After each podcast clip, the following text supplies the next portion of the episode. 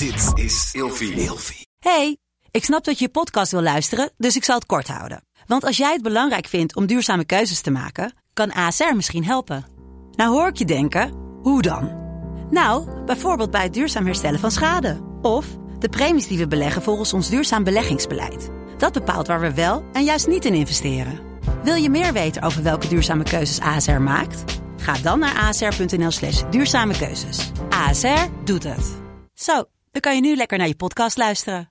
Fuck, ik heb echt veel zorgen aan mijn kop. Jij ook? In deze podcast bespreken we al onze schaamte, eenzaamheid, issues, experimenten en gaan we op zoek naar onszelf.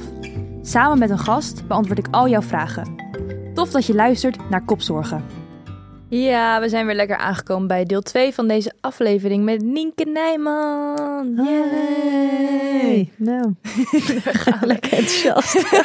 Nee, ik zat er echt helemaal in. Ik word ook Ja? altijd heel erg opgewonden als ik het over seks heb. Echt? Dan zit ik echt van, ja, ik weet niet. Misschien, ja, jij hebt het heel vaak hierover. Dus voor jou is het allemaal gewoon. Nou, ja, ik heb heel vaak heb ik het natuurlijk over, over een soort van de, de negatieve kanten van seks. Hè? De En de, minder prettige. En, en dan zit je met Ja. mensen te werken die voor wie seksualiteit zo ingewikkeld is. Ja, dat, dat is niet heel leuk of zo. Dat is niet heel ja. opwindend. Nee, dat makes sense. Hey, we gaan het ook zo even hebben over opwinding en hoe je bij de vrouwelijke geslachtsdeel dat allemaal lekker kan stimuleren. Ik heb eigenlijk een vraag die nu me opkomt. Vraag jij wel eens advies aan andere mensen over jouw seksleven? Nee, ik vraag niet zozeer advies. En ik ben ook wel heel kritisch. En dat vind ik echt. Ehm, maar ik denk dat dat een beetje een soort van iedereen heeft die binnen een bepaald vakgebied zit. Dat je dus ook niet van alles iedereen aanneemt. Dat je eh, van heel veel dingen die, die je hoort, dat je die al wist. Dus dan moet je het soort van op een alternatieve manier gaan, gaan, gaan aanvliegen. Zodat je een soort van verrast kan worden. Zodat je overtuigd kan worden. Ja, maar misschien heb je dat advies ook niet nodig. Ik weet niet, want jij zit natuurlijk in het vakgebied. Je weet er heel veel over. Maar Ja, betekent dat ook dat je dan zelf van. dat je dan zelf dat allemaal niet nodig hebt, dat het allemaal goed gaat? Nou, dat en, weet ik eh, niet zo goed. Of ik dat zelf. Ik vind het een soort van arrogant om dat te zeggen. Plus denk ik dat seksualiteit iets is wat heel erg in, in beweging is voortdurend. Weet je, ik heb eh, afgelopen jaar is een, eh, een, een veelbewogen jaar geweest. Daarin merk ik dat als je het hebt over dat seksualiteit iets is wat een leven lang in beweging is, dat het niet altijd even makkelijk is om er maar bij te kunnen komen. Ik heb ook te maken met eh, nou ja, de, de stress van werk, dan wel fysiek niet helemaal lekker in je vel zitten, dan wel kinderen krijgen. Dat zijn allemaal dingen die hebben een enorme impact op. mhm. Dus ja, dan denk ik dat ik in de basis denk heel veel kennis daarover heb. Maar dat betekent nog niet dat seksualiteit iets is wat altijd heel gemakkelijk voor jou is. Wat het wel makkelijker maakt is weten dat, dat deze periodes er eenmaal zijn. Weten dat er dus dingen zijn die van invloed op je zijn. Dus in plaats van volledig in de stress te raken en te twijfelen aan, aan mezelf of aan mijn relatie, ehm, dat ik het veel meer kan plaatsen. Mm. Maar terwijl jij in het vakgebied zit, heb je wel eens met een man in bed gelegen dat je dacht van...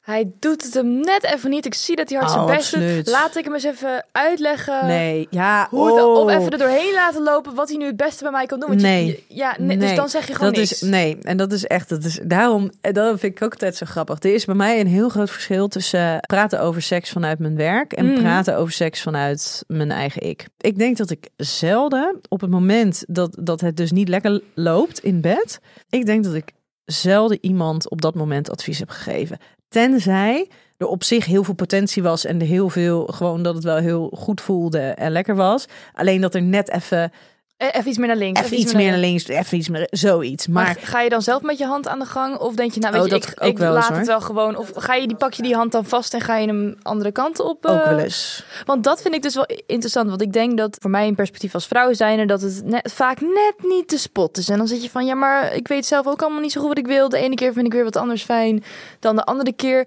Hoe je daarin je weg vindt met iemand die dat dus bij jou... soort van moet gaan doen, tussen aanleidingstekens. Ga je dat dan zeggen? Ga je dat dan niet zeggen? Hoe ga je het zeggen? Ik denk wat het belangrijkste is, is dat je voor jezelf een manier vindt zodat je wel in het moment blijft. Nou, er komt ook een stukje schaamte en kwetsbaarheid bij. Ja, absoluut. Want zelf. het is natuurlijk hartstikke kwetsbaar als jij inderdaad. Want ten eerste, je wil de ander niet afwijzen. Je wil de ander niet soort van teleurstellen. Maar je wil ook niet te veel zeg- van iemand vragen. Nee, en je wil ook niet te veel op dat cognitieve niveau gaan zitten. Want je wil eigenlijk gewoon lekker in het moment blijven. Ja, maar wat nou als jij dat moment ik wil eigenlijk wel gebeft worden, maar ik word nu gevingerd. En dat is best wel een soort van een verzoekje, dus ik weet niet zo goed hoe ik dit ga zeggen. En dan zit je een soort van, zo van Nou, maar dan, dan moet je misschien een soort van, als het zoiets is, kan je het beste gewoon een soort van de, de, de pleister eraf trekken. En dan gewoon zeggen, wil je me alsjeblieft even beffen? ja. Heb je dat wel eens gedaan? Ja. Oh ja, en dat, dat was de respons dan Nou, dat, positief? is, dat is wel, dat is als ik, als ik voel dat ik iets wil, iets Mm. anders wil, als in het soort handeling. Dus of er nou inderdaad penetratieseks is, of beffen, of eh, eh, vingeren.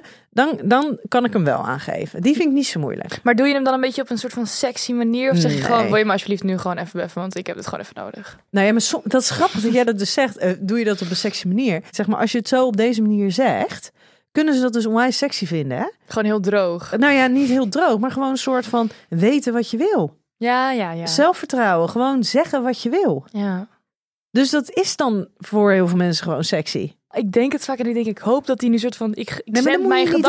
Dat nu soort van doen. uit naar hem. Want dat gebeurt niet. Nee, nee. Dat is natuurlijk, dat, dat weet je natuurlijk ook wel dat de ander. En, dat, en er zit natuurlijk Mm. een hoop in ehm, dat, je dat, dat de ander dat helemaal aanvoelt. Mm. Maar hoe langer jij dus gaat bedenken dat jij iets anders wil, hoe meer je eruit gaat. Hoe meer je in je hoofd gaat zitten.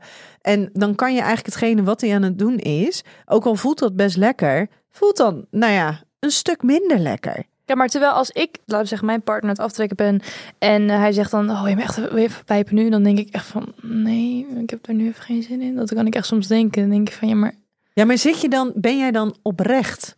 dat is een goede vraag. Maar ik heb ook een beetje een soort van pijpangst, dus ik weet ook niet of het daar... Oké, eh, nou, maar daar kan het dan eh, daar ook aan liggen. ja, dat ik waarom, denk van, waarom heb jij een pijpangst? Nou, oh, dit is wel een hele goeie. Ik heb, er hem, heb ik hier een vraag over? Volgens mij wel. Maar ja, daar, dat is ook de reden waarom ik dacht, ben ik wel hetero? Want ik, ik hou niet per se van een piemel in mijn mond. Dus heb, doe ik dan iets fout, zeg maar. Misschien heb ik wel meer pleasure met een vulva, weet je wel. Maar ik, ik vind hem gewoon groot en ik vind hem niet mooi. En ik denk dan in mijn mond en ik voel me een soort van onderdanig. En niet echt een soort van een sterke vrouw of zo. En Ja. daar voel ik in het dagelijks leven voel ik me wel meer zo. Dus ik heb ook het gevoel dat ik dan mezelf ergens in die trant onderdanig maak. Maar aan de andere kant denk je, maar ik hou van jou en ik wil ook dat jij plezier hebt. Dus ik doe het wel voor jou, weet je wel. Maar ik hoor af en toe meiden die zeggen, ja, ik ga zorg op in pijpen en ik vind het zo opwindend. En dan denk ik echt van, nou, daar kan ik me niet aan relaten. Hoef je ook helemaal niet. En ik kan soms wel opgewonden raken van het feit dat hij er dan opgewonden van raakt. Maar dan voel ik me dus soms schuldig. Dat Hoezo? ik denk van, oh, het feit dat ik hiervan een soort van me in dit opzicht voor mijn gevoel een beetje dan nederig maak en hem dan Weet ja, je, ik- weet ja, je hoe de je ik- ja, keer... ik, ik draai er ook een beetje mee, maar ik Nee, weet niet goed nee, hoe ik het moet uitleggen. Ehm, ik heb hier namelijk op een gegeven moment een heel interessant gesprek over gehad met iemand. En die heeft een soort van mijn... Als je, want daar ging dus inderdaad over van als je dan zegt... ehm, van ja, dat, dat de man de vrouw neemt. Dat mannen daar een beetje mee worden opgevoed. En inderdaad, wat jij nu zegt, dat als je als vrouw een, een man pijpt, dat je dat dus een soort van onderdanig en nederig is. Terwijl hij dus op een gegeven moment zijn hele blik op seksualiteit is veranderd, omdat hij op een gegeven moment dacht: nee, nee, nee, ik neem helemaal geen vrouw. Ik krijg wat van haar. En in deze dus ook. Nee, nee, nee. Jij bent niet degene die onderdanig is. Jij bent niet degene die zich nederig op moet stellen.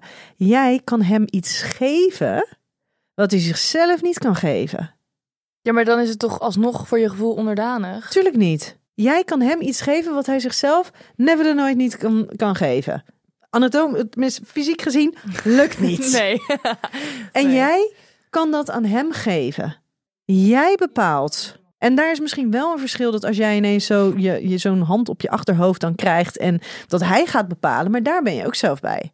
Daarvan kan jij ook gewoon zeggen, ah, ah, ah, Nee, dat maar gaan we dat niet doen. kan ik dus ook soms best opwindend vinden. En dan heb ik dus dat schuldgevoel. Dat ik denk, oh, ik, dit maar is dus waarom? Omdat dat soort van dan de meest onderdanige positie is waar je in kan zitten. En dan word, raak je daar opgewonden van. Dan denk ik, ah nee, weet je wel. Omarm je opwinding. Ja, Weet dat je, voelt dat dus gaat dan toch niet helemaal, helemaal goed of Ja, zo. maar dit is misschien, want jij zei net ook al iets over van voelt niet helemaal feministisch, maar dit is ook binnen het feminisme Ja. echt een enorme stroom. Ik hè? zou mezelf ook niet helemaal... Ik label mezelf niet als een feminist, maar als een sterke, weet je wel, hoe zeg je dat? Independent woman, weet je wel. Ja, maar jij bepaalt. En dat het gevoel heb je dan wel als je gebeft wordt. Dan denk je van, yeah, weet je wel. Dan lig je daar een beetje zo en dan denk je, chill. En dan als jij het doet, dan denk je, oh nee, ik wil dit wel. Of ik heb het gevoel ook misschien dat ik het moet doen, weet je wel. Ja, we kunnen hier uren over doorlullen, maar... Maar maak het iets wat, wat ook wat behapbaarder voor je is. Weet je, ik heb bijvoorbeeld op een gegeven moment, dat is zo verfrissend. In mijn beleving was dus inderdaad dan ook uh, pijpen. Dat was iets dat je dacht van ja, maar ik heb helemaal geen zin om dit uren te doen. En dan heb je, we krijgen helemaal kramp in je kaken Ja. en weet ik wat allemaal. Maar wie zegt dat dat uren moet? Nou, ik heb dus heel veel gehad aan die aflevering van Kleine Meisjes Worden Groot. Mag ik je 20 seconden beffen? Toen heb ik tegen mijn vriend gezegd, mag ik je 20 seconden Ja. pijpen? Want dan is het wel een beetje onderdeel ervan. En, ehm, maar dan is het niet dat ik inderdaad het gevoel van, oh god, ik moet nu, weet je wel. Maar dat lijkt me ook leuk om iemand daardoor dan te laten klaarkomen. Dat is ook wel eens gebeurd. Maar soms dan duurt het zo lang en dan denk ik, jeetje. Ja, maar dan moet je het dus integreren. Dan moet je niet dat alleen gaan doen. Dan moet je en een beetje met je, eh, gewoon een beetje met je handen en misschien een beetje eh penetratieseks. En dan vervolgens kan je, kan, je, kan je het met orale seks afmaken. Vind jij het niet matig als je al soort van de penis al in jou is geweest en je gaat dan pijpen? Want Ja, maar dat is dus het verschil tussen echt opgewonden zijn of niet echt opgewonden zijn. En echt opgewonden zijn, dan heb ik het over 500% jezelf helemaal verliezen in die opwinding. Want dan maakt dat helemaal niks meer uit. Nee, dat is bij mij dan denk ik één op de vijf keer dat het echt allemaal niks Ja, meer maar uitmaakt. heel veel mensen die, die redden niet eens één op de vijf keer. Hè. We zijn echt verschrikkelijk luie seks. Dus heel veel mensen die zitten precies op die 100% van opwinding. Precies genoeg om seksueel gezien goed te kunnen functioneren. Goed vochtig te worden. eh, erectie te kunnen krijgen. Nou ja, in sommige gevallen orgasme te krijgen. Maar we zijn echt verschrikkelijk lui geworden. We zijn niet meer van het, hey, we, we, we pakken alles erbij en we zorgen dat we ons volledig verliezen in het moment. Maar dat hoeft toch ook niet elke keer weer? Nee, hoeft ook helemaal niet elke keer. Nee. Maar als je dat dus niet de, niet de dingen doet om dat gevoel te kunnen krijgen, dan moet je ook niet gaan lopen miepen dat je, dat je seks niet zaligmakend is. Nee, daar ben ik het wel mee eens. Ja, Ja, daar heb je wel gelijk in. weet je, als jij. Het gaat niet vanzelf. Ik bedoel, als jij eh, s'avonds goed netjes om, eh, weet ik veel, om tien uur naar bed gaat en de volgende ochtend gaat je wekker om zeven uur en je hebt negen uur geslapen en je staat helemaal opgerust op, ja, dan is het logisch dat je, dat je eh, uitgerust wakker wordt. Ga jij om vier uur s'nachts naar bed en je wekker gaat om zeven uur, ja, dan moet je de volgende dag ook niet gaan lopen miepen dat je moe bent. Maar dit is wel een hele interessante, want ik heb precies hier een vraag over. Ik ga me voorlezen. Ik hou ontzettend veel van mijn partner en alles tussen ons is goed. Maar ik weet niet of ik me nou volledig seksueel tot hem aangetrokken voel. In het begin van een nieuwe relatie heb ik veel zin in seks, maar na een tijdje kwakt het in en voel ik me minder snel opgewonden. Ik krijg veel advies dat het dan tijd wordt voor bijvoorbeeld speeltjes of rollenspel. Dit hoorde ik ook in jouw podcast over experimenteren met seks voorbij komen. Mhm. Maar mag ik hier een kanttekening bij zetten? Mag je ook weer verlangen naar dat opgewonden gevoel zonder er externe factoren bij te betrekken? Ik ben heel benieuwd of je hier nog een aflevering over zult maken. Maar het is mooi, want er staat, mag je er weer naar verlangen? Tuurlijk mag je er naar verlangen. En ik denk dat dat, dat iets heel, eigenlijk iets heel zonde is. Dat in het begin, als je iemand kent en je kent elkaar nog niet helemaal goed, dat je dan echt kan verlangen naar de ander. En dat je op seksueel gebied, dat, er- dat er van alles gebeurt. Maar in het begin ben je ook gewoon één cocktail van hormonen. In het begin gebeurt er van alles waar je ook helemaal geen regie over, over hebt. Het overkomt je, als het ware. Zijn dat dan die verlies? Ja, dat, is, dat zijn je serotonines, dat zijn je adrenalines. Weet je, er gebeurt, er giert zoveel door je lijf heen. Je bent eigenlijk een soort van in een staat van ontoerekeningsvatbaar als je verliefd bent. En je voelt een enorme seksuele aantrekkingskracht. Er gebeurt gewoon van alles. En wat je eigenlijk over het algemeen ziet, is dat heel veel stellen zich vervolgens op het gebied van hechting, dus echt het aangaan van die duurzame relatie, dat ze daar heel erg in investeren. Dat ze echt wel heel erg die, die romantische liefde, dus ik hou van jou, dat ze dat heel erg voelen en ook heel erg hun partner zien als ja, maar jij bent wel echt mijn partner. Maar dat op het gebied van die seksualiteit, nou ja, dat er van alles gebeurt, maar niet in hetzelfde tempo mee ontwikkelt. En zeker ten opzichte van die beginfase, misschien helemaal niet ontwikkeld, dan wel zich op andere mensen gaat richten. En dat is heel erg ingewikkeld. Maar het hebben van een goede relatie gaat niet over die seks en over hoe seksueel voel ik me aangetrokken tot mijn partner. Seksuele aantrekkingskracht sowieso is zoiets bizars. Waarbij we, als je het hebt over, hè, ik vind mijn partner vind ik aantrekkelijk, dan kunnen we heel, kunnen we best wel wat eigenschappen opnoemen van, oh ja, maar ik vind mijn, aantrek, mijn partner aantrekkelijk omdat. En dan kunnen we een paar dingen opnoemen. Als je het hebt over seksueel, seksueel aangetrokken voelen, ja, dat gaat veel meer over chemie, over iets, iets onbeschrijfbaars. En heel veel mensen verlangen ernaar om dat met hun partner te hebben. Maar dat stukje, dat element, zegt niks over een kwaliteit van een relatie. Sterker nog, als alleen maar dat er is, wordt het ook verdomde ingewikkeld vaak om een langdurige relatie op te bouwen. Waarin je samen verantwoordelijkheden kan dragen. En waarom is dat zo? Omdat alleen op seksuele aantrekkingskracht en goede seks ga je niet de wereld samen redden.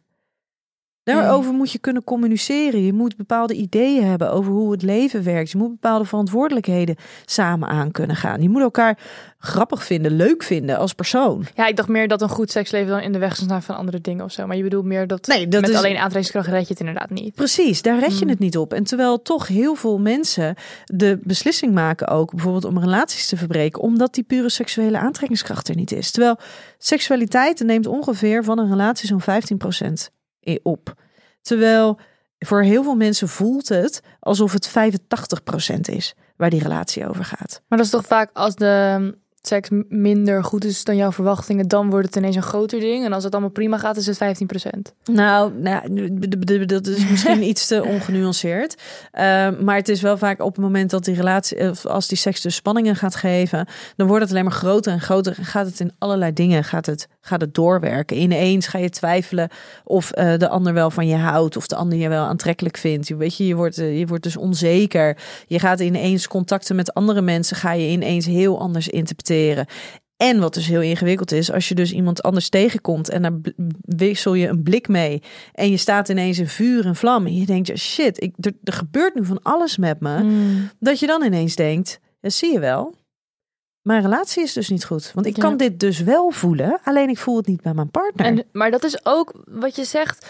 Dat is dus heel gek, want hoe meer ik dus van mijn partner ga houden, hoe onzekerder ik inderdaad daarvan word. Want je wil eigenlijk, omdat je zo van iemand houdt, alleen maar meer die bevestiging dan bijvoorbeeld in het begin. Want die relatie krijgt op een gegeven moment, als het goed is, steeds meer diepgang. En het, het, die liefde verandert constant. Maar dan denk ik, oh, en ik voel meer schaamte en onzekerheid dan aan het begin van de relatie. Want dan denk je gewoon van, ja, maar dit is allemaal gewoon, weet je wel. ja, maar dan ben je onder invloed van die hormonen. ja, en je denkt ook van, oh ja, maar onzekerder dan dit ga ik me niet voelen. Maar dat is voor mijn gevoel echt niet zo.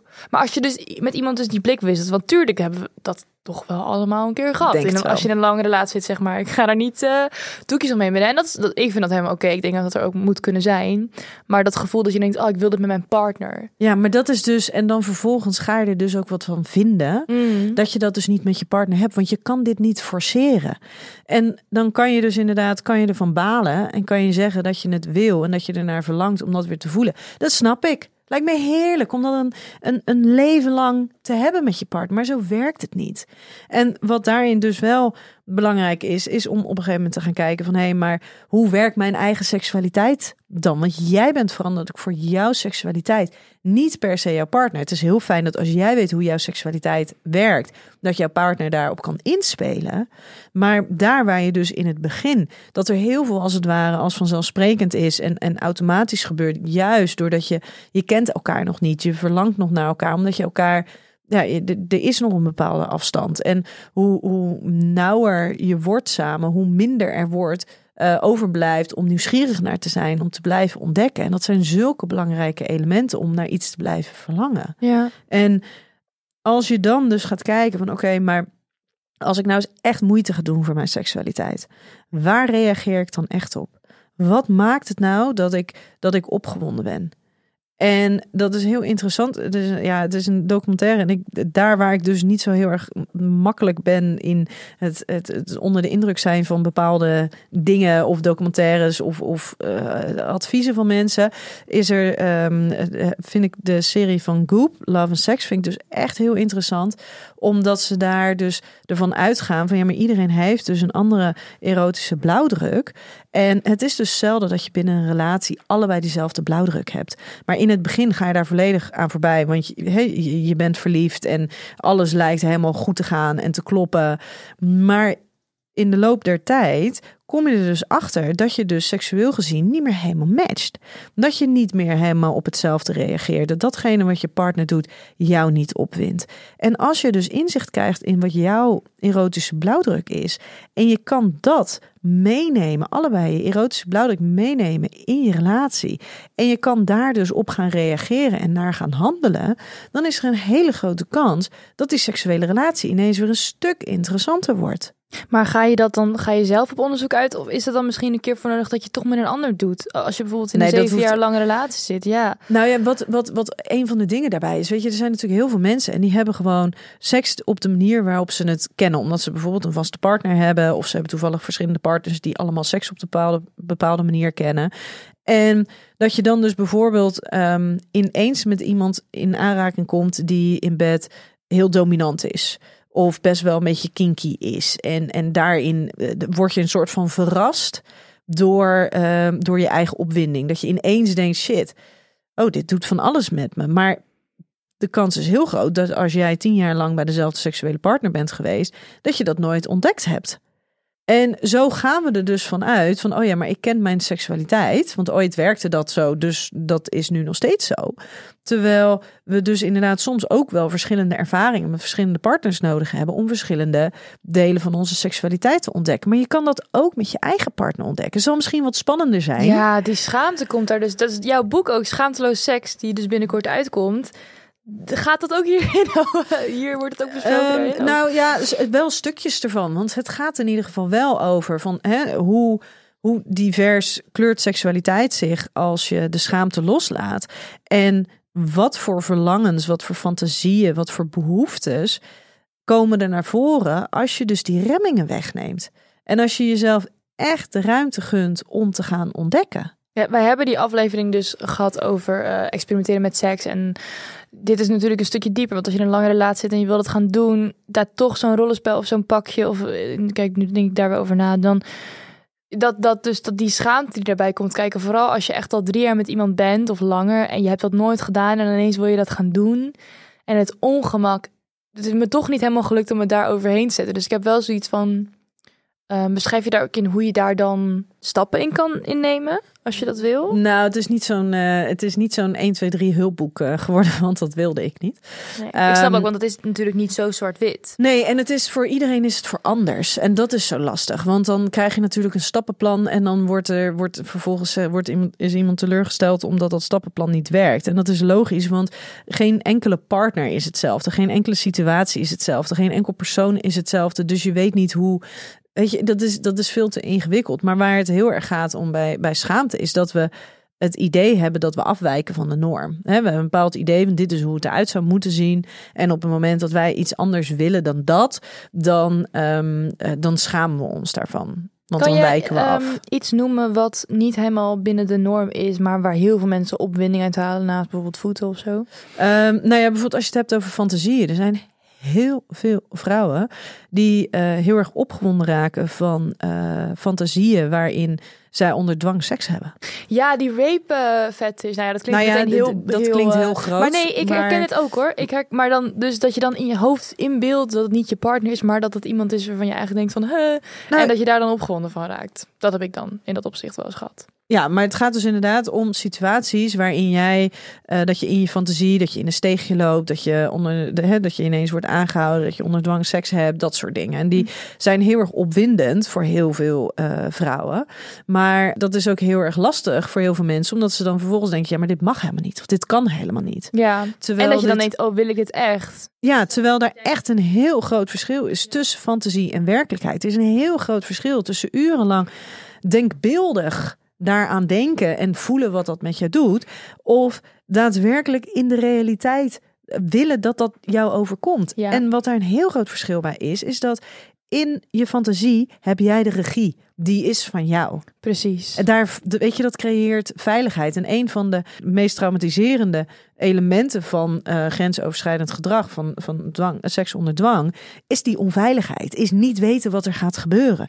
Niet weten wat er van jou verwacht wordt of wat je moet doen. En dat is natuurlijk bij jouw fantasie ontbreekt dat hele gevoel van onveiligheid. Want je kan bijvoorbeeld ook natuurlijk zoiets hebben van, oh, um, kijk, dit is ook weer een beetje plat, hè, maar van in jouw fantasie word jij door die persoon dan bijvoorbeeld gewecht beft of zo. Maar in de werkelijkheid krijg je misschien een klap in je gezicht en is het super gewelddadig. En dus dat is ook wat je nu zegt over die regie. Dat je het een beetje spannend in je hoofd kan maken. Terwijl als het je echt zou overkomen, Dat wil, ik moet dat- er niet aan denken dat dat me echt zou overkomen, Nee. zeg maar. Ja. En de gevolgen daarvan zijn natuurlijk vaak veel groter ja. dan in je fantasie. Maar dat is iets waar heel veel mensen heel veel schaamte over hebben. Of Ja. bepaalde, eh, nou ja, wat we noemen dan parafilieën eh, die er zijn. Of dat jij inderdaad een specifieke voorkeur hebt voor panties. Dat je Wat is parafilie? Parafilie, ja, dat is op het moment dat jij opwinding ervaart ehm, bij, bij een object eh, anders dan een eh, lichaamsdeel, geslachtsorgaan. Dus een tandenborstel of zo. Ja, bijvoorbeeld. Oh, oké. Zoiets. Is dus dat is, en dat valt dan weer onder de fetish, maar dan heb je ook voyeurisme, exhibitionisme, dat soort dingen. Oké. Dus dat zijn, zijn verschillende. Ja, en als je dan met een partner bent al een tijdje lang en je, je, hebt, je ontdekt dat misschien van jezelf. Gebeurt dat wel eens dat mensen dat ineens ontdekken en dan denken, Ja, ah, kak. en dat is dus zo fijn dat op het. Ja, ja oh, kak, die kan inderdaad ook. Maar wat je, wat je bij die dingen hebt, bijvoorbeeld als jij een voetenfetish hebt, dat, dat, eh, die heb je vaak al, draag je al heel lang met je mee. Dat weet jij al vaak al, al heel lang. Daar kom je niet ineens op je vijftigste achter, want dan heb je al heel veel voeten gezien en heel vaak een gevoel gehad van, "Oh, dit doet van alles met me.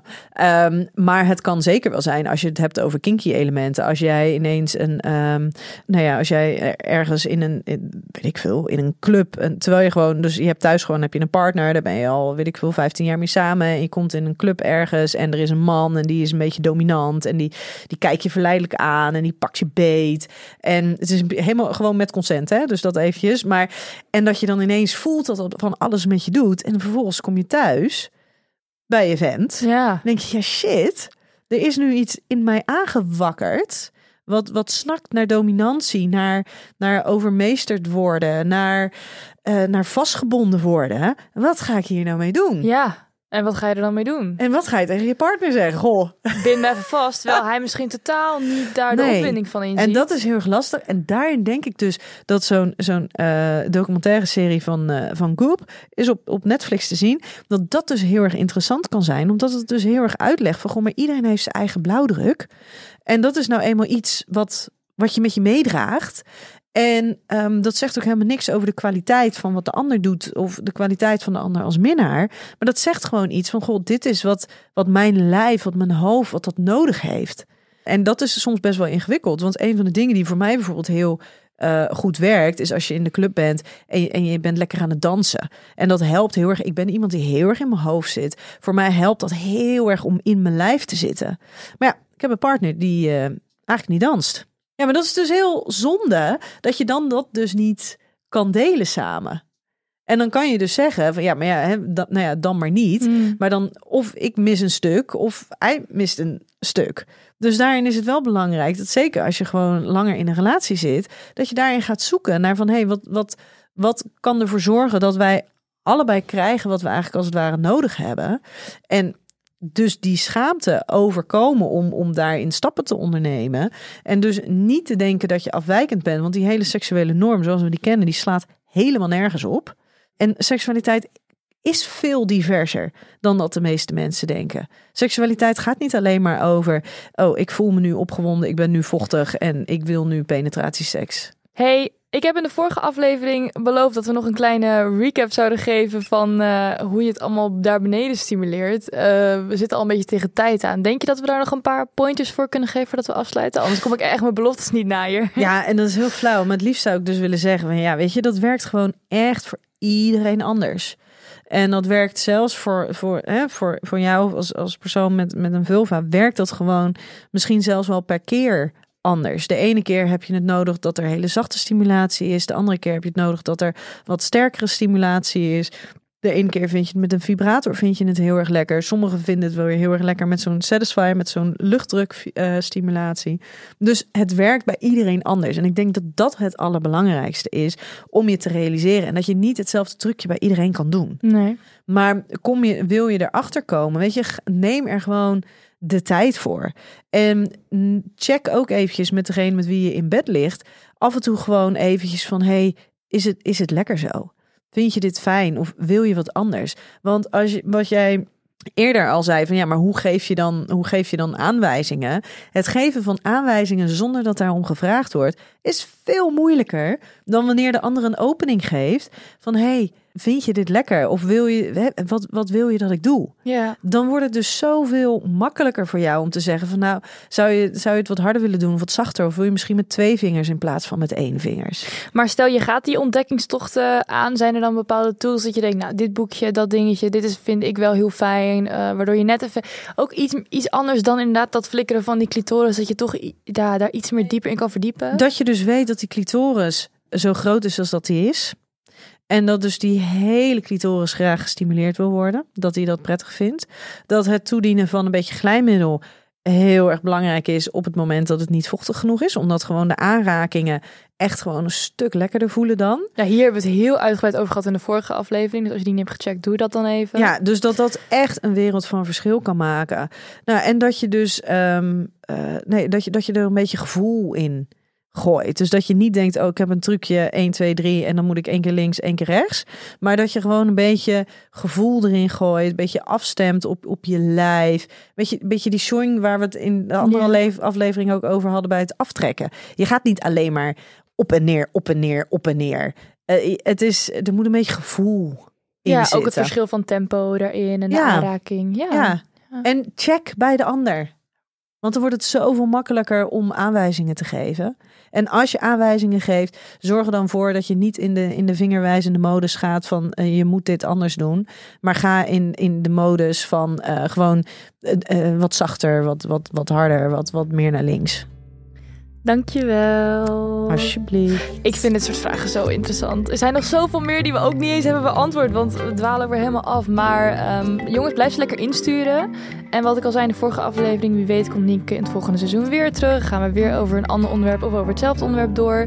Dank je dat je er was. Graag gedaan. Dankjewel dat ik er weer mocht zijn. Ik kijk ontzettend uit naar je nieuw boek.